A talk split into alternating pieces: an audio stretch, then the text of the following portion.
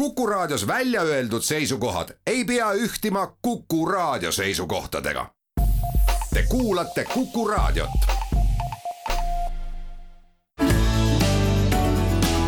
keskpäevatund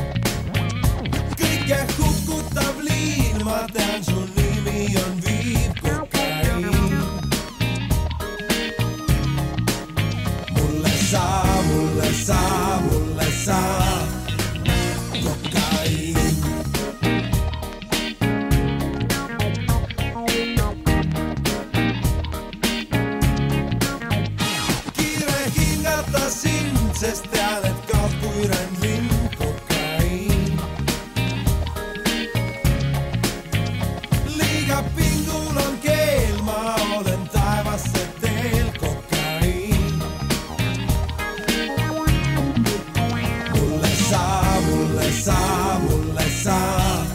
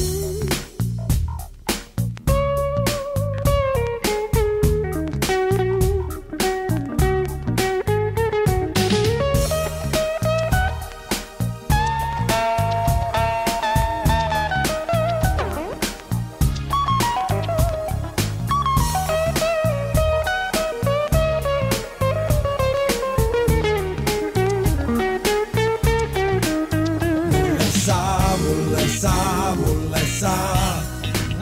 kokaiin. Hommista taliman, talimi banaana. uudiseid koduvabariigist tere, siin on Keskpäevatund ja Kuku raadio, Tallinna stuudios Ainar Ruussaar, Marek Strandberg ja Priit Hõbemägi. kuulsime Mart Mardisalu, jah, seesama kuulus meelelahutaja ja telenägu, tema poolt sisse lauldud laulu, see laul kuulub J.J. Cale'ile, kuulsale Ameerika bluuskitarristile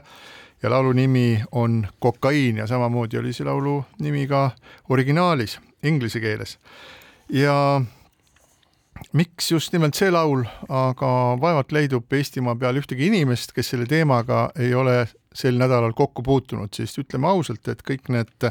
uudised narkootikumide ja erinevate uimastite tarvitamisest Eestimaal jagunevad peamiselt kahte liiki, ühed räägivad siis kanepist ja teised räägivad sellistest väga rasketest ja hardcore fentanüüli taolistest ainetest, mis inimesed kiiresti hauda viivad. aga kokaiin, seda on ajalooliselt peetud selliseks eliidi uimastiks, mis äh, ei tekita füsioloogilist sõltuvust, millest on võimalik ka vabaneda, kui inimene seda väga tahab ja mis maksab peale selle väga palju raha. Ja Eestis ei ole olnud selliseid näiteid, kui mõni tõepoolest kas äh, ti- ühiskonna tipptegelane oleks avalikult tunnistanud, et ta on olnud kokaiini narkomaan, aga sellel kolmapäeval ERR-i saates Pealtnägija tegi siis pikema pihtimuse armastatud näitleja ja ma ei ütle seda sõna armastatud näitleja, ma ei, see ei ole jutumärkides, see tegelikult ju ongi nii, et Märt Avandi on väga tunnustatud ja armastatud näitleja Eestis. võib-olla üks kõige enam tunnustatud ja, ja lugupeetavatest näitlejatest tänu ka paljudele oma koomilistele ro- rollidele kahtlemata ja, ja Märt Avandi rääkis sellest, kuidas, millist rolli on tema elus siis mänginud kokaiin viimase kümne aasta jooksul ja et nüüd on tal õnnestunud sellest puhtaks saada. see lugu tekitas sellise vastukaja terves ühiskonnas, et noh, ütleks niimoodi, et sellisel nädalal on ilmunud küll välisluure aastaraamat ja räägitud uutest fosforiidikaevandustest ja sellest, teisest ja kolmandast asjast, aga ometigi aina taas ja taas tõuseb siis kokaiin ja Märt Avandi esiplaanile, sellest räägitakse, kirjutatakse ja ma arvan, et üks põhjus on kahtlemata selles, et see on see ootamatus, esiteks, et äh, väga tuntud inimene ja väga paljudele positiivselt äh, hinges olev inimene on siis olnud äh, kümme aastat uimastisõltlane ja teine küsimus on kaht-, kahtlemata see, et need reaktsioonid, mis ühiskonnas on selle juhtumi avalikuks tulemisele järgnenud, on, on jagunenud selgelt kahte liini, ühed, kes mõistavad hukka, et nii-öelda suur eeskuju ka noortele ja lastele äh, on olnud äh, uimastisõltlane ja teine osa inimestest minu jaoks üsna huvitaval kombel on need, kes võtavad siis Märt Avandile õlale patsutada, vaat kui tubli poiss sa ikkagi oled, näed, nüüd oled, nüüd oled puhas, pole sul häda midagi. Ja ma lihtsalt mõtleks sinna kõrvale, et kui mingisugune Uudo, kes on kakskümmend aastat pannud poe taga kärakat, läheks mõne ajalehe toimetusse, ütleks, et kuulge, ma tahaks anda intervjuud, ma olen kakskümmend aastat tina pannud ja ma olen kolm nädalat täitsa puhas. et mis siis sellele järgneks? tõenäoliselt mitte sellist reaktsiooni, et kohalik omavalitsus ütleks, et tubli, Uudo me toetame sind ja üldse meil ei ole mingit probleemi olnud, kui sa kaevasid kraave, kui sa parandasid traktorit, kõik on olnud väga hästi ja tulevikus me oleme sinu selja taga, aga niimoodi juhtus, et need teatrid, kus siis või vähemasti üks teater, kus äh, Avandi ka praegu hingekirjas on, võttis ta lihtsalt toetada. jah, siin on kaks otsa. ots number üks on see, et äh, tegelikult on hea, et me sellest räägime ja sellepärast äh, Avandile suur aitäh teine ots on see, et kas me tegelikult teame, kui palju narkootilisi aineid ja kuidas Eestis liigub. võib-olla politsei teab,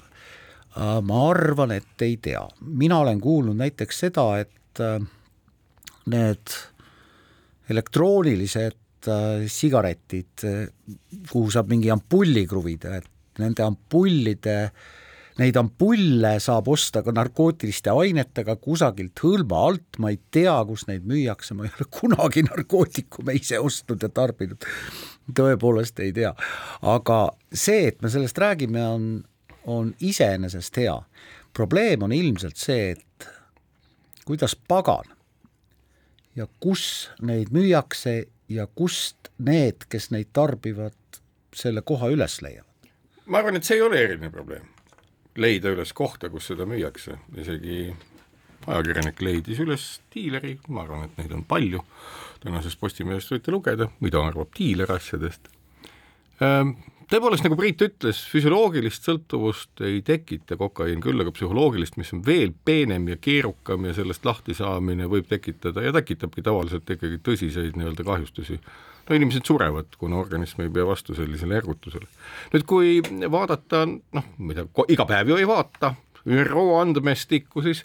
nende kohaselt Eestis võib olla umbes kuus tuhat kuni kümme tuhat äh, nii-öelda kokaiinitarbijat, see on enam-vähem keskmiselt maailmas nii. Ehm, loomulikult, kust see tuleb, valdavalt tuleb see Lõuna-Ameerikast, see kõik on teada, ehm, kuskilt jõuab ta Euroopasse, lõpuks jõuab ta ka siia. Ja nüüd jällegi, kui küsida, et noh, et milline siis see turumaht on, kindlasti keegi teab täpsemalt, aga võib nagu lamp, lambist öelda, et Eestis on kokaiini turumaht umbes sada kuni viissada miljonit eurot sada kuni viissada miljonit eurot. ma lugesin ka ja... sellest, äh, sellest Avandi intervjuust välja, et see on ikka jube kallis lõbu. see on kallis lõbu, sellepärast et äh, kokaiin on väga kontsentreeritud, väga efektiivne ja selles mõttes nõudlus on suur, kasumimarginaal ilmselt väga suur selles osas, et äh, kas isegi võib-olla sellest hinnast üheksakümmend protsenti moodustab kasum, ehk me kujutame ette, et kui suurt kurja saab teha saja või üheksakümne või neljasaja miljoni euroga Eestis, mis jääb nii-öelda raha nagu üle mida tuleb siis erineval moel jagada. no jaa, vaata Marek ehk..., vaata, vaata Marek, selle hinna juurde tagasi tulles, et et Kesk- ja Lõuna-Ameerikast salaja siia Euroopasse toodud, siis Euroopas laiale viidud, siis veel ei, salaja diiler kuidagi peab seda promoma ja seda ja see on väga müüma. kallis tegevus. ja ongi, see ongi väga kallis tegevus, et sa saad õigesti kallis. aru, et see on väga kallis tegevus ja väga suure kasumimarginaaliga tegevus. noh, kui rääkida majandusterminitest. aga tegelikkuses see, mis meie ette tuleb, on see, et Eestis on siis ütleme halval juhul umbes kümme tuhat inimest, kellel noh, tõenäoliselt äh, mitte kuus korra, vaid nädalas korra on vajadus selle ainega kokku puutuda ja, ja nüüd me olemegi olukorras, et äh, ähm, noh, jällegi, et äh, kas me teame, kes, millal ja kus, kas me oleme kindlad, et, et me oleme nende inimeste meelevaldsuse eest, nii nagu ka Avandi kirjeldas, et kui ta ikka on üle tarbinud, siis ta on üsna nigel näitleja ja mis iganes omadused tal veel küljes on, ehk et me oleme nagu kontekstis, kus, kus me iialgi ei tea, kellega me kokku puutume, millises seisundis see inimene on, kas ta on üle tarbinud või mitte, ja nüüd ongi nagu küsimus, et ähm,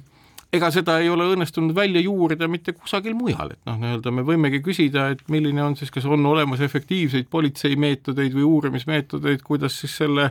kuni poole miljardi eurose turu tekitajad kuidagimoodi kätte saada, sellepärast et on selge, et see kahjustab no jaa, aga on et- Euroopas riike, kes on üritanud lahjade narkootikumide abil neid kangeid ja hullemaid narkootikume turult välja tõrjuda, ma arvan, ehk et siis näiteks kanep, eks. jaa, aga ma arvangi, et ega ju antud hetkel see, mida ei ole suuteline tegema olnud siiamaani narkoennetuskavad ja kõik muu selline, seda tegi majandus. ehk et sissetulekud langevad. et see inflatsioon, mis nõuab, et sul läheks toitu rohkem nii-öelda, sa maksadki toidu eest rohkem, sa maksadki kõige eest rohkem ja tegelikult see asi, mille tõttu nii-öelda tõenäoliselt noh, kuna neil ei ole esindusorganisatsiooni, vähemalt see ei ole legaalne, eks ole, narkodiileritel, siis eh, tõenäoliselt nii-öelda reaalsus on selles, et narkodiilerid kannatavad kõige rohkem. Ja mm, eh, kuna inimesed ei jaksa osta, ka jõukad ei jaksa enam tõenäoliselt osta nii palju, kui nad siiamaani ostsid. ehk et eh, võib-olla tuleb veel inimesi välja, kes ütlevad, et oi, et ma olen ka seda, teist ja kolmandat ja võib-olla ongi politseil nüüd lihtsam otsida, sellepärast et noh, nii-öelda sisse kujunenud skeemi ei olda suutelised olnud, noh sadat miljonit või viitesadat miljonit eh, põrandaalust äri ei ole siiamaani suutnud politsei peatada ega kusagil mujalgi maailmas, et võib-olla nüüd majanduslangus aitab sellele kaasa, õigemini inflatsioon nii et ega meil on nagu huvitavad ajad ees, aga jah, nagu Priit ütles, sellele kuidagi nagu kaasa tunda, no ma ei oska ka, keegi ei oska, et noh, kui me ütleme, et oi, et see on väga tänuväärne samm, loomulikult, et noh, see on pigem möödapääsmatu samm. ja no., ja, ja oht, mis üleval on, pidevalt väga suur. no sellise tuntud näitleja puhul on ju teada väga hästi, et näitlejad tänapäeval Eestis esinevad väga paljudes mitmesugustes reklaamikampaaniates ja kui me nüüd teame seda, et äh, Avandi on kümme aastat olnud siis äh, selline jõuline uimastisõltlane, et noh, lihtsalt kui natukene lapates tagasi, et millistes kampaaniates ta on siis, mis rolli siin on, on täitnud, ta on siis olnud Terviseameti, Terviseameti kampaanias äh, Tervis pole naljaasi, mis siis äh, võitles siis äh, uhhuu ravimite vastu või siis äh, oli äh,, oli ta väga tegev kampaanias äh, mille nimi oli Ütle purjuspäi ujumisele ei, ma ei tea, kas kokaiini ujumus, uimas ujumine on okei okay või selleks ajaks äh, Avandi lihtsalt jättis äh, siis kasutamise järgi, aga ühesõnaga, ta on niivõrd paljudes erinevates ähm, kampaaniates ähm, esinenud, et ähm, see põhimõtteliselt see tõmbab ikkagi kriipsu peale kõigele, kõigele sellele, mida ta on teinud. minu meelest on see niimoodi, et et seda kuidagi nagu tagasi pöörata on väga keeruline, see on nagu minu meelest üks oluline aspekt, teine oluline aspekt on kindlasti see, et miks just nüüd. Ja miks just nüüd. ja mul on selle kohta selline oma, oma hüpotees, et äh, arvestades seda, et see lugu tuli siis välja äh, nii-öelda äh, Eesti Rahvusringhäälingu kõige enam vaadatavamas saates peale Aktuaalset kaamerat ehk siis Pealtnägijad, mis ütleb, et enda kohta, et see on uuriv ajakirjandus ja nii edasi ja mis kunagi, mis ma arvan, mis peaaegu kunagi ei lenda mingisugusele suvalisele teemale peale, vaid nad ikka uurivad oluliselt seda asja, et eh, Eestis on tihtipeale on olnud niimoodi, kui mõni väga tuntud inimene tuleb mingisuguse suure patuga, astub esile, siis on selle põhjuseks olnud üks asi, see kõik on olnud väljatulemise serva peal. et see minu hüpotees on selline, et äh, Märt Avandi oli pikemat aega, oli politsei äh, vaateväljas, seda teati väga hästi, mida ta teeb, kus kohas ta teeb, kellega ta teeb ja ta pandi lihtsalt valiku ette, et kas sa astud oma looga esile, räägid selle ära ja sinust on võimalik teha selline hoiatav näide või lihtsalt ühel päeval klõpsatavad, kui sul on see gramm kaks, kolm või neli, millest ta seal rääkis. mitte taskus, aga mitte, või mitte veel tasku, mitte ninas, aga jah, vaid, jätkuvalt taskus, taskus. Ja, ja selle eest ei, ei ole mingit probleemi, et need on, need on suured kogused ja selle eest klõpsatavad, kääravad kinni ja tuleb nagu karistus. ja kuna oli veel vaja kanalit, et kus kohas see kõik siis võiks nagu välja tulla, siis ma kujutan ette, et tõenäoliselt oli see asi nii, politsei teadis seda väga hästi, ilmselt sai Avandiga ise aru, et ta on juba sihikul ja siis tehti selline koos Äh, koos äh, Pealtnägijaga selline, selline kokkulepe, et ta tuleb selle asjaga sealt välja sellepärast ja räägib kõigile sellepärast, et on, see kuulub tegelikult sedasorti ajakirjanduse klassika hulka või see on üks nagu väga olulisi võtteid. me teame, mis sa oled teinud, räägi oma lugu parem ise ära siis sa saad ka kahetseda või saad esitada oma versiooni. aga kui sa ei räägi siis räägime meie selle loo nagunii ära ja sa jääd selleks, kes sa oled, sa, sa jääd, sa jääd äh, oma nagu tegude ohvriks. ainuke asi, mis kogu selle ahela, mida sa kirjeldasid, juures nüüd nagu õhku jääb, on küsimus, et kui suure tihi võtab äh, politsei ja prokuratuur, kes vaieldamatult peavad neid asju uurima sellest, et ütleme niimoodi, et äh, juhul kui Avanti tõesti sellises seisundis oli, nagu sa ütled, ja siis loomulikult nii-öelda selleks, et äh, olukorrast puhtamalt välja tuua, tulla peavad olema ka diilerid üles nimetatud, ehk et jääme siis ootama krimiuudiseid, et kui palju siis nii-öelda narkodiilereid lähiajal kinni püütakse ja kohtu ette saadetakse, sellepärast et ega see olukord, noh, ma ütlen, et äh, olukorras, kus, äh, kus äh, majandus üldiselt kannatab ja marimajanduse maht, noh vähemalt kokaiini osas on nagu mainitud sajad miljonid oletatavat raha, siis ega see naljaasi ei ole, kui seal midagi nagu halvasti minema hakkab, et ütleme ju ahel, mis põhineb sellisel rahavool ja sellistel kasumimarginaalidel, niisama ära ei sure, seal on ikkagi nagu ühiskonnale palju muudki ohtlikku, mis võib välja tulla ja noh, me teame üheksakümnendate aastate alguses, kui sageli plahvatasid pommid või tulistasid Kalašnikovi automaadid, et noh, ma ei usu, et nüüd täpselt samasugune asi tagasi tuleb, aga olukorras, kus me oleme julgeolekuliselt väga keerulises seisundis, nii-öelda selline eh, noh, ütleme pingestatud narkobusiness on vaieldamatult Eesti julgeolekule ohtlik. seda kindlasti jah, aga ma kordan ennast, aga, aga see Avandi juhtum ja see, et me sellest siin praegu juba kakskümmend minutit räägime, on väga-väga-väga oluline ja see, mida sa, Marek, ütlesid, et äh, ju selliste juhtumite kaudu tulevad välja ka need diilerid, kes ei ole lihtsalt salasigarettide smugeldajad üle Narva jalakäijate silla, vaid oi no salasigarettidega meil oli ju kuskil siin lähi, Tallinna lähedal terve tehas, mis tootis neid. aga need diilerid on ikkagi seotud täiesti rahvusvahelise võrgustikuga, aga ma ei ole Priit sinuga päris nõus, et noh, ärme võta nii mustvalgelt, et tõepoolest, ega seda, mida tuntud näitleja varem teinud on, ega seda ei saa nüüd olematuks teha, ei tohigi olematuks teha, et tegelikult ma kordan, see avandi ülestunnistus, olgu see siis politsei survel, ilmselt see nii oli või mitte, ja see, et me sellest räägime, on tegelikult erakordselt oluline. paraku jah, meid ilmselt ei kuula väga paljud need inimesed meie saadet, kes võivad sattuda narkosõlklast. ma arvan, et fentanüüli kasutajad ei kuula, aga ma arvan, et kokaiini kasutajad kuulavad kindlasti. kokaiini kasutajad võib-olla kuulavad, ma, vot ma, ma ei kujuta ette, aga, aga neid, kõige hullem on see, et neid narkootilisi aineid müüakse erinevates kapslites, erinevate, ma ei tea, nurgataguste taga, millest minul, Marekil ja sinul, Priit, ilmselt ei ole aimugi, aga ma kahtlustan, et väga paljudel hilisteismelistel, teismelistel juba on seda muidugi jah, mina püüangi tähelepanu juhtida rohkem sellistele ühiskonna moraali probleemidele. Ja üks küsimus ongi just nimelt see, kõik need, kõik need õlalepatsutajad, alates siis äh, teatrijuhist või kuulsast produtsendist, äh, kes on Eesti rahvale surematuid äh, seriaale kinkinud, kõik need inimesed, kes ütlevad, oo, tead, ei mina pole kunagi märganud, et tal midagi oleks, ei, temaga on kõik väga okei okay olnud, ikka on saanud need asjad tehtud ja kõik on väga hästi, et nad tegelikult üldse ei nagu saa aru minu meelest, et milline on nende roll ühiskonnas ja millise moraalse positsiooni nad peavad võtma, et siin ei ole üldse mitte millegi üle pole arutleda, see on Eesti seadustega, see on Eesti seaduste järgi kuritegu, ta on seda kuritegu pikalt ja põhjalikult teinud, et alustada, sõbrad, produtsendid ja teatrijuhid, alustame sellest, et mõistame hukka sellise tegevuse selgelt ja ühemõtteliselt. Ja siis ütleme, et aga kui sa oled tubli poiss, Märt, et siis me töötame koos edasi, et kui me meenutame ka kas või kaht-, seda, mis juhtus aastaid tagasi supermodell Kate Mossiga Londonis, kus tuli välja, et ta kasutab kokaiini, siis kõik suured agentuurid katkestasid kohe Mossiga lepingud, katkestasid Mossiga lepingud ja alles mõne aja pärast, kui nagu ühiskondlik puhastusprotsess oli läbitud, siis sai ta uuesti tööd, aga meil ei ole isegi sellist, keegi ei ütle seda, et oota, Märt, et ole, las ole veel pool aastat ja vaatame, et kas sa oled ikka täitsa puhas. ja siis me võtame su tagasi. ei, kohe algas, see on ringkaitse, see on õlale patsutamine. teine asi, mis minu,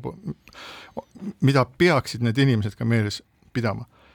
et Märt on kümme aastat järjest toetanud kuritegelikku tegevust. see kokaiini tootmine, hankimine, Euroopasse toomine, see hõlmab endas ohtralt inimelusid, seal on mõrvad, kuriteod erinevate riikide seadusandluse vastu, selle, see ei ole niimoodi, et äh, lihtsalt see kasutaja ja diiler ongi selle keti ainsad lülid, millele tuleb tähelepanu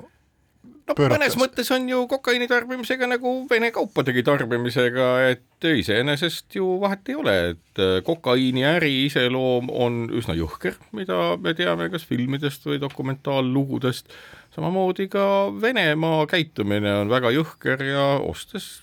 liitri bensiini või mida iganes, mille päritolu on Venemaa, me teame täna, millisel moel see aitab kaasa Vene sõjamasinale, kes ei saa läbi ilma ühegi lisadollarita, et äh, tappa Ukrainas inimesi,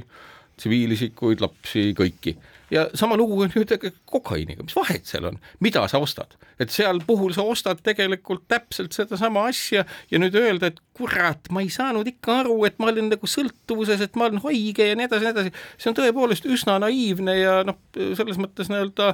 noh, jah, kaasatuntav, selles mõttes, et ju see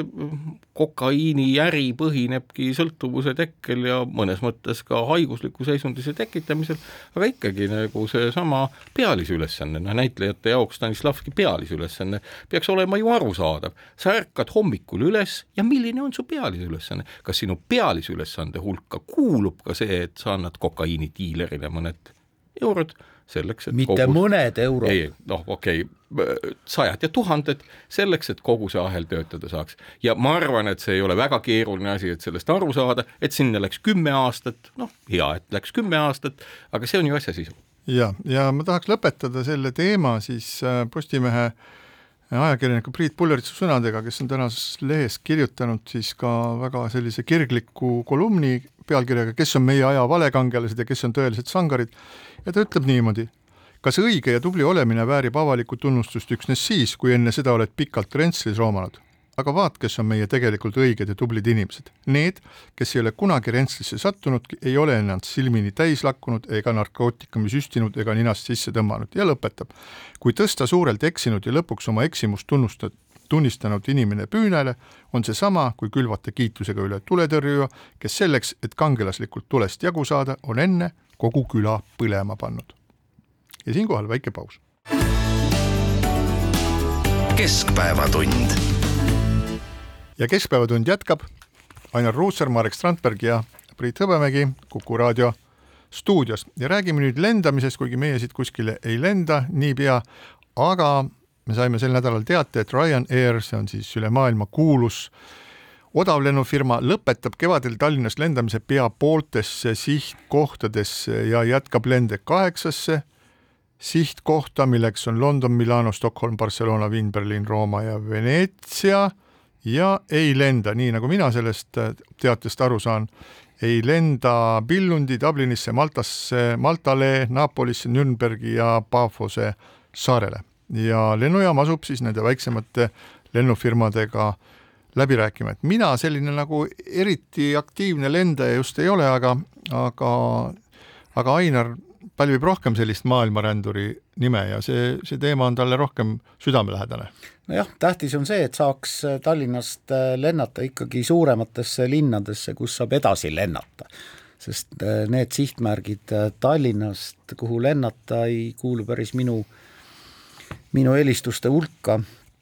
aga äh, milleks meile lennujaam, kust ei saa lennata, ma mõtlen näiteks, kui ma võrdlen Riia lennujaama, mis ei ole küll väga mugav ja väga äh, noh, väga kliendisõbralik, aga sealt saab lennata, sealt saab, pagan võtaks, sealt saab igale poole lennata peaaegu. aga Tallinnast ei saa. ja sinu poolt mainitud Ryanairi siht märgid jah, võib-olla tõesti ei ole kuigi olulised ja võib-olla nende lennukite täituvus ei ole ka väga suur, aga noh, viimase aasta jooksul olen ma Ryanairiga tänu pileti hinnale lennanud kolmel korral erinevatesse Euroopa Liidu pealinnadesse ja lennukid on puupüsti täis olnud. ma just mõtlen, Tallinn on üks väheseid äh, linnu ja Tallinna lennujaam üks väheseid lennujaamu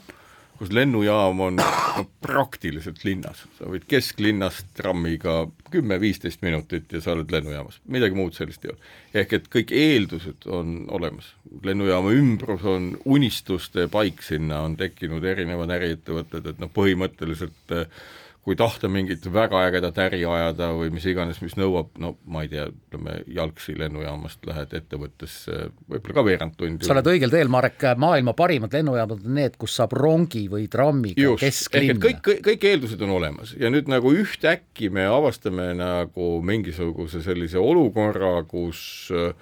ma arvan, et et äh, selle põhjus võib-olla on suure plaanita mikromajandamine, on nii-öelda Tallinna lennujaam mõnes mõttes nagu faktipõhiselt auti mängitud mingi aeg tagasi, kui lennujaama rolli arutati, ma tean, et oli üks idee selle kohta, et äkki hakata nii-öelda Tallinna lennujaamast pakkuma sellist noh, lennutaksoteenust nagu kõikidesse lähematesse lennujaamadesse, kus suured lennud on olemas kuidagimoodi nii-öelda hallata seda majandamist, et noh, tõepoolest sa saad äh, üsna kiirelt istuda mingi väiksema lennuki peale, kus on võib-olla kümme-kaksteist inimest ja siis lennata kuhugi, ma ei tea, mis sellest kontseptsioonist sai, võib-olla see on nagu lennundusasjatundjale otse arusaadav, et see ei kõlba mitte kuhugi. aga kuidagi selline noh, kuidas ma ütlen, ideaalne olukord, tõepoolest ideaalne olukord, kui meenutan siin, et mingi aeg tagasi, mingi aeg tagasi oli veel arutluse all see, et kas Ämarisse äkki teha rahvusvaheline lennuväli, et mis oleks siis nagu sõjaväe ja tsiviilkasutuses ja inimesed peaksid siis nii-öelda rongiühendusega liikuma Ämarisse, mis noh, ütleme kauguse mõttes väga paljude Euroopa pealinnade lennujaamadega on täitsa okei okay,, et seal ongi lennujaamad noh, enam-vähem kaheksakümmend, sada kilomeetrit täpselt pealinnast. niimoodi pealinnast. ja, ja see plaan nagu laideti maha mingil põhjusel, ehk et nagu Tallinn jäigi selliseks noh, ideaalseks lennujaama positsiooniks, kuidas on juhtunud see, et see positsioon on nüüd ütleme niimoodi de facto igas mõttes maha mängitud, ma ei usu, et seda saab nagu põhjendada ainult sellega, et oi-oi, et meil on siin koroona ja majanduslangus, Riia, juhin tähelepanu, seesama nii-öelda ebamugav lennujaam on samal ajal seda on renoveeritud, teda on laiendatud ja on tänasel päeval väga jõulise positsiooniga ja üks põhjus on muidugi see, et see on Rail Baltic, või vabandust, Air Balticu nii-öelda kodulennujaam. jah, seda küll, ainult et Riia toomkiriku juurest äh, Riia lennuväljale jõudmine võtab ikka paraja katsumuse. see võtab, aga vaatama sest sa ei saa rongi, sa ei saa trammiga ja kui sa oled veel välismaalane, räägid aktsendiga ähm, vene keelt, siis pannakse sulle ikka korralik kirves taksost. ja aga, aga, aga seal ongi nüüd nagu see asi, et vaatamata sellele, kui sa tõmbad joone alla ja teed rehkenduse, lendad sa Riiast rohkematesse kohtadesse kui Tallinnast ja tegelikult peab küsima, milles on asi. ja mina ei olegi aru saanud, olles ka püüdnud nagu kuulata erinevaid ütlusi ja ma ei olegi aru saanud, milles on asi. ma tahaks meelde tuletada, et ähm, Eesti Vabariigile kuulub muuhulgas üks lennufirma, mis kunagi kandis nime Rahvuslik Lennukompanii Estonian Air, aga tänaseks on siis selle asja nimi Nordic Aviation Group, kuulub Eesti riigile, kontserni kuuluvad lisaks siis sellele emaettevõttele kaks tütarettevõtet ja nende nimed on siis Regional Jet ja Nordic Aviation Advisory. Ja ähm, vähemasti kõikide nagu olulisemate paberite järgi peaks siis selle rahvusliku lennukompanii või siis äh, riigile kuuluva lennufirma eesmärk olema see, et ta tagab vajadusel siis äh, lennud Tallinna lennujaamast äh, sinna, kuhu vaja ja võib-olla ka tagasi. aga kui me nüüd vaatame, millega, millega siis, kus kohas siis no see Eesti Vabariigi valitsusele kuuluv siis lennufirma lendab, mis kohtade vahel ta lendab, ta lendab selliste kohtade vahel, mille nimed on Stockholm, Gällivaar ja Arvidsjaur hääldasin midagi valesti, aga need on mingisugune, ütleme, et see on midagi, mis asub äh, karu tagumikus kuskil väga maal välja, kaugel maal, välja arvatud siis äh, äh, Stockholm ja andku kõik siis Jällevaari ja Arvidsjauri elanikud mulle andeks, aga tõepoolest pole kunagi varem kuulnud. ja siis, kui ma loen neid uudiseid, mida siin kirjutatakse, hurraa, hurraa, kujutage ette, Nordica lendas ligi miljoni euroga kasumisse, teatab siis ajakirjandus tänavu, eh, eelmise aasta maikuus ja tuleb välja, et nad on tõepoolest saanud tunamullusest kümne ja poole miljoni euro suurusest kahjumist miljoniga kasumisse. Ja need kõik, kes vähegi ettevõtlusega tegelevad, saavad aru, et see on ju tegevuskasum, et see, kui palju on Eesti Vabariik sinna raha sisse valanud lõpututel aegadel, hoides seal erinevaid kummalisi Soomest ja Rootsist tulnud äh,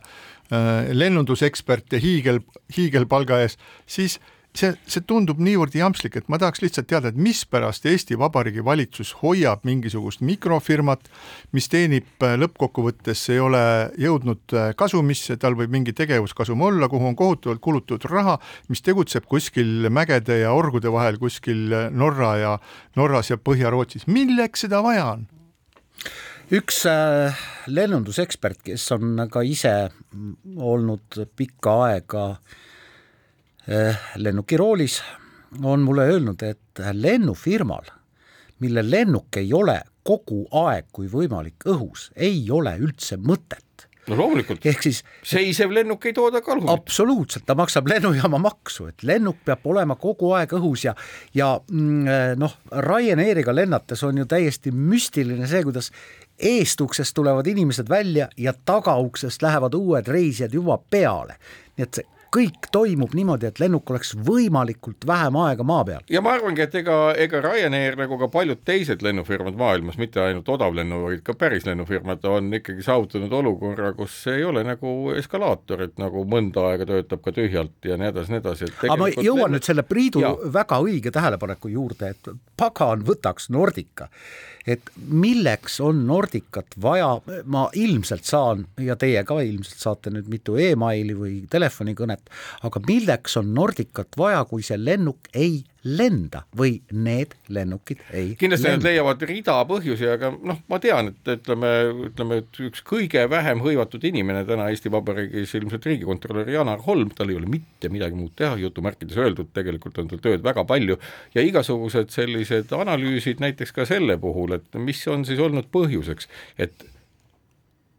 seisust, mis on olnud laua peal, mis on olnud võiduseis, mis ei ole isegi viigiseis, vaid võiduseis. Elemendid on olnud niivõrd head, lennujaam, positsioon, et sul on õnnestunud Euroopa Liidust välja rääkida meeletud sajad miljonid eesõigust, kinkida raha ühele ettevõttele selleks, et teda edendada ja kuidas sellest olukorrast saab välja tulla niivõrd käpardliku tulemusega, et lennujaam peab tõstma tasusid, et lennufirma ei ole kasumis, et Tallinna lennujaamast, mis on ideaalne lennujaam, ei õnnestu lennata mitte kuhugi. ma arvan, et Janar Holm on tõepoolest õige inimene, noh ka ütleme sõltumatu, äh, need asjad nagu lahti harutama, tema saab kätte dokumendid, mida võib-olla meil on raske hoomata ja kätte saada ja ma usun, et see võiks olla üks nagu oluline järeldus, mida teha ja siis me kuuleme ja saame võrrelda, no täpselt samamoodi, nagu on ta teinud meditsiinisüsteemi analüüsides ja näidanud juba pikka aega, et küsimus on nii-öelda paljuski seotud sellega, mismoodi on perearstisüsteem üles ehitatud, miks me hädaldame ja ägame nii-öelda EMO järjekordade küsis, et äkki saame siis ka pärast mõningast prepareerimist äh, vastusega sellele, miks meil lennundusega nii läinud on. kahtlemata. Ja nüüd, äh, kui lugeda siis seda, mida on äh, Nordica oma pressiesindajate suu läbi öelnud, siis on üks täna, tänavu, tänavaaastane rõõmusteade, on hea meel, et saame teenindada ka Eesti kliente oma kodubaasist. ühesõnaga tehakse koos ähm, reisifirmaga Test Tours, tehakse tšarterlende, mis viivad puhkajaid talvel Hurghadasse, Sharm el Sheikhi ja Tenerifele, Test Tours, mainime seejuures on peamiselt venelastele kuuluv, seda, neid lende korraldab küll üks nende Eesti tütarfirma, Testuur kuulub venelastele, tema päritolu on väga hoolsalt varjatud ja võib-olla peaks ka vaatama, et kes on tegelikult Testuursi omanikud tänapäeval. ja siinkohal väike paus. keskpäevatund. vali keskpäevatund. stuudios Ainar Ruussaar Marek Strandberg ja Priit Hõbemägi, kuulates neid vahepealseid reklaame. ei mõtlesime... kandideeri keegi mitte üheski ringkonnas. ja kuhugi ei kandideeri, aga, aga vali. vali, valida tasub. jah, aga see, aga valige lihtsalt äh, Keskpäevatund Kuku raadio lainel ja siis te olete alati hästi informeeritud. ja hoitud. ja nalja saab ka, nii, aga läheme nüüd äh,. ja selle... me päästame Eesti. jah, see, jah, selle ka ja peale kõikide muude ja läheme ühe sellise natuke kummalise uudise juurde, mis sel nädalal vastu kõlas ja see puudutab Põhja-Sakala vallavanemat, kelle nimi on Karel Tölp ja kes käis siis ähm, Tallinnas, nagu kunagi Anija mehed Tallinnas käisid, käis Tallinnas, käis Riigikogu erikomisjonis ja arutati siis seal seda, kuidas kohalikel omavalitsustel läheb ja kuidas osad kohalikud omavalitsused on langenud sellisesse musta auku, kust nad kuidagi enam välja ei saa, nii et pankrot on silmade ees. Ja siis muuhulgas arutades neid kõiki teemasid ütles ähm, Põhja-Sakala vallavanem Karel Tölp Riigikogu erikomisjoni istungil nii. ootus on see, et riiklikult lepitakse kokku, et ajakirjandus ei tüüta kaks aastat omavalitsusi, volikogusid, volikogude juhte, vallavanemaid. teeme need rasked reformid ära, lausus ta Tölp lisas, et ajakirjanikud ei peaks kaks aastat valdadest kirjutamisest loobima, loobuma, vaid nad võiksid selle all hoopis kiita vallajuhte reformide tegemise eest. sellist asja, no kunagi ütleme, mul lihtsalt pole sõnu, et, et kohaliku omavalitsuse, kohaliku võimutasandi juht tuleb siis äh, riik, eh, tuleb eh, Riigikogu komisjoni ja räägib, tuleks teha riiklik kokkulepe selleks, et ajakirjandus mitte ei kritiseeriks, vaid üldse ei kirjutaks, aga kui kirjutaks, siis ainult kiidaks. kuidas nüüd, me peame nagu arutama seda, et, et kuidas siis härra Tölp kes on saanud vallavanemaks, kuidas ta kujutab siis nagu üldse endale ette siis demokraatlikku ühiskonda, millised funktsioonid on ajakirjandusel, millist rolli ajakirjandus täidab ja mis rolli täidab siis nii-öelda riiklik ajakirjanduse vaigistamine. aga vaat ei ja isegi, isegi Rahva Hääl ja Noorte Hääl suutsid oma, omal ajal vaatamata nõukogude tsensuurile ikkagi äh, ka paberlehel, tookord digimaailma ei olnud, paberlehes trükkida aeg-ajalt ära mingeid selliseid asju, mille pärast peatoimetajad käisid kusagil keskkomitees vaival. aga, aga ikkagi ajakirjanike võim oli piisavalt suur ja ja ähm, nad said seda teha, et tõepoolest, see on, see on nüüd nagu uskumatult ja just nimelt see riiklikult reguleerida seda, millest ajakirjandus kohalike omavalitsuste kajast-, tegevuse kajastamisel peaks kirjutama ja millest ei peaks. tule taevas appi. no aga ega ei ole ju noh, mida me imestame, et ega ju mõnes mõttes me peame tänulikud olema, et me, me näeme juba aegu ette, kui hakkab tekkima selline noh, nii-öelda eos juba pisikese kristallisatsiooni tsentrina meie sellises pulbitsevas äh, ühiskondlikus supis hakkab tekkima selline Põhja-Korea liidrilaadne asi. ei hakka ja, tekkima, Marek Strandberg, kui ei, sina ja mina ja Priit elus oleme, ei hakka tekkima. ma tahangi öelda seda, et et, et me näeme tegelikult seda, kui kirev on meie ümbrus ja millistest äärmustest nii-öelda võetakse kinni ja millised impulsid tulevad siiralt välja, see on tegelikult demokraatliku ühiskonna õnn, et me näeme seda ja loomulikult nagu sellest ei saa mitte midagi, aga impulss on umbes samasugune ja ega noh, kuidas ma nüüd ütlen, et see ongi nagu ühiskonnast arusaamise küsimus, et laske meil töötada, me teeme õiget asja. ärge segage meil ärge töötamast. segage meil töötamast ja selles mõttes nagu, mis mõttes ärge segage, et kui inimestel on põhjust küsida, kui on mingisugune probleem, siis noh, küsimus ongi nagu selles, et tegelikult äh, inimene, kellel on esimene reaktsioon, et noh, vot see ongi nagu selles mõttes, et mina teen ju kõik õigesti, mina teen ju kõik õigesti, aga teie ei saa asjast aru. Teie olete valesti aru saanud minust, kes ma teen kõik õigesti, siis tegelikult tegemist on üsna kehva juhtumiga ja loomulikult eks selle väljatoomine tähendabki seda, et kõik inimesed, kes arvavad, et kõik teised on milleski süüdi,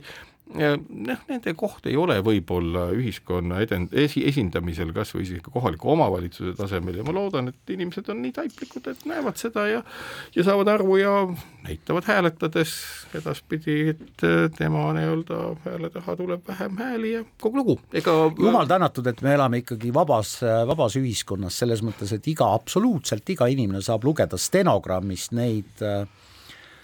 mõtteavaldusi, mida keegi on väljendanud Riigikogu komisjonis või, või Riigikogu suures saalis või kus iganes. Ja enne valimisi on neid mõtteavaldusi väga värvikaid, nii et selles mõttes kõik on, kõik on ikkagi väga hästi. kõik on väga hästi, me lihtsalt näeme, millised on äärmused ja me saame öelda, et jah, tõepoolest sellise äärmusega noh, ütleme niimoodi, et ei ole suurt midagi peale hakata, kui lihtsalt teada, et selline asi on olemas, loomulikult see äärmus ei ole mitte põhjuseks, et äh, Põhja-Sakala vallas on asjatundsus, vaid need põhjused on ilmselt kaugemal, mujal ja hoopis komplekssemad, nii et äh, jah, jällegi, ega meil muule loota ei ole, et kui ajakirjandus jälle tõsisemalt ette võtab, küll härra Tölbi, küll teiste härrade sealsed tegevused, et ilmselt koorub sealt välja ka see tõde. nii, aga siis nagu naljanurga juurde tagasi, et äh, äh, härra Tölbil ja siis äh, Põhja-Sakala vallavalitsusel on oma ajaleht täiesti olemas. selle ajalehe nimi on Leole ja see on siis munitsipaalväljaanne. Munitsipaalväljaanded on teatavasti need väljaanded, mida siis annavad välja kohalikud omavalitsused ja mis peavad ennast justkui ajalehtedeks, aga kuna neid antakse välja siis kohaliku omavalitsuse raha eest, ehk et need on siis kohalikud maksud ja riigieelarvest saadud äh, tulud, siis äh, pakuvad need kohalikud munitsipaalväljaanded äh, väga suurt konkurentsi nii-öelda tegelikule ajakirjandusturu konkurentsil, ehk et meil on olemas äh, kommertspõhjal üle Eesti, kommertspõhjal tööt-, tegutsevad siis väiksemad väljaanded, mõned sõltumatud, mõned on siis nagu kuuluvad suurematesse kontsernidesse, aga nad kõik siis töötavad sel põhimõttel, nad koguvad oma sissetuleku, kogunevad, koguvad siis lugejatelt ja peavad ennast üleval. Ja üks olulisi, olulised sellised sissetulekuallikad on kahtlemata tellimuste müük ja siis kuulutuste ja reklaamimüük, aga mida ja, ja siis on tasuta jagamine. ja ka mida siis ja, ja siis jah, kahtlemata ja siis seda kommertspõhjal välja antavat lehte tuleb siis veel, tuleb maksta Omnivale seda raha, mida nad nõuavad, aga, aga munitsipaallehed jagavad ennast nii-öelda valla raha eest tasuta ja müüvad sinna siis veel lisaks müüvad sinna veel reklaami ja müüvad kuulutusi, et selles samas siis vallalehes just on, võib lugeda nende andmetest, et ajalehe Leole hinnakiri, rea uus hinnakiri, mis sai muudetud siis vallavalitsuse, vallavolikogu poolt, reakuulutus kuni kakssada tähemärki, eraisik viis eurot, ettevõtja kümme eurot, reklaamkuulutus kakskümmend ja kakskümmend viis eurot, õnnitlus, kaastundeavaldus, jõulutervitus viis eurot, reklaam üks A3 lehekülg, kaheksasada eurot. Ehk teiste sõnadega vald peab lehte üleval oma rahadega, pakub äh, siis kõlvatut konkurentsi nendele väljaannetele, mis tegutsevad samal alal ja ütleb, et need tuleks omakorda, tuleks veel nagu suu kinni toppida siis sellel sõltumatul ajakirjandusel, mis seal veel on. Ja kui me vaatame, üks naljanurk on muidugi ka see, et kui ma seda ühte viimast, seda äh, ajalehe Leole äh, PDF-i sirvin, siis siin on üks selline äh, selline lehekülg, noh, A3 lehekülg, eks ole, nagu kõik ajalehed tänapäeval on, mille ülakirja, servas on selline kitsas kiri, vallavanema veerg. ja nüüd äh, te kujutate ette, et see veerg on niimoodi, et kõik kuus veergu on ülevalt alla tihedalt täis, ei ole isegi ühte äh, siis äh, vahepealkirja ja kõige lõpus on vallavanem Karel Tölbi umbes tikutopsi suurune portree ehk äh, ma võiks öelda, et äh, Karel Tölp kasutab väga hästi oma huvides talle, talle nii-öelda kuuluvat munitsipaalväljaannet, aga see, millised ettekujutused tal siis on, et kuidas peaks riiklikult ajakirjandust reguleerima, no ma isegi ei oska öelda, et kuhu tuleks selline inimene saata siis äh, nii-öelda ümberkoolitamisele või et ta hakkaks aru saama nagu mingitest demokraatia põhimõtetest, aga siin on mingisugune kummaline aspekt on veel, veel see, et et kuna suur ähm, arutelu käib siis äh, valla finantstulemuste üle ja see loomulikult on vallas ka opositsioon ja siis ähm, opositsiooni liider on, on poliitikahuvi-, huvilistele väga hästi tuttav Priit Toobal, siis ma võin öelda, et ühte valda on sattunud kokku küll kaks parajat, et ühel pool on Karel Tölp ja teisel pool Priit Toobal, et et ma vaatan küll huviga, mis siis äh, sellisest olukorrast sealt saab ühel päeval. võib-olla me peaks siinkohal nii-öelda Maaülikoolile äh, märkuse tegema, et äh, Maaülikooli nii-öelda muidu tublid kasvandikud, äh, kes teavad, kuidas üks, teine või kolmas asi toimib, et äkki nii-öelda ühiskonna ülesehitamisel kui äh, ja selle kirjeldamisel, mismoodi see toimib, kui ütleme, gümnaasiumis on puudujääke, siis äkki Maaülikool peaks nagu korvama oma kasvandike arusaama, sellepärast just sealt tölp pärit ongi. Sa viitad sellele, et mõlemad inimesed on pärit Maaülikoolist kellist või..., kes mõlemad? ma, ma ei tea. Tölp on pärit Maaülikoolist, tema alma mater on Maaülikool ja no kui ülikool ka no ei suuda aga... inimesele selgeks teha, milline on ühiskonna ülesehitus Eesti Vabariigis, siis on tõesti aga äkki, äkki saab no pöörduda aga Maaülikool ei annagi ajakirjandusharidust. ei, ei, mitte ajakirjandusharidust, aga no nagu, nagu see on, see on puhas, selleks on isegi spetsiaalne raamat kirjutatud riigi ja omavalitsuste toimimisest, seal on kõik pulk-pulgalt lahti võetud, kuidas see asi Eesti Vabariigis käib, et võib-olla esimene soovitus on siis, et et pöörduda prof-, äh, nii-öelda äh, erialase kirjanduse poole, siis Karel Tölbilt aru saada ajakirjanduse positsioonist ähm, demokraatlikus ühiskonnas. Ja teine on, et võib-olla siis saab äh, pöörduda ka Haridusministeeriumi poole ja tellida Maaülikoolile siis atesteer-, välis, välishindamise ehk atesteerimise, et siis oleks ka täpselt aru saada, et kuidas need asjad seal käivad, kuidas on võimalik, et selliste, selliste seisukohtadega inimesed sellest kõrgkoolist väljuvad ja siinkohal täname teid täna kuulamast, kohtume taas nädala pärast. keskpäevatund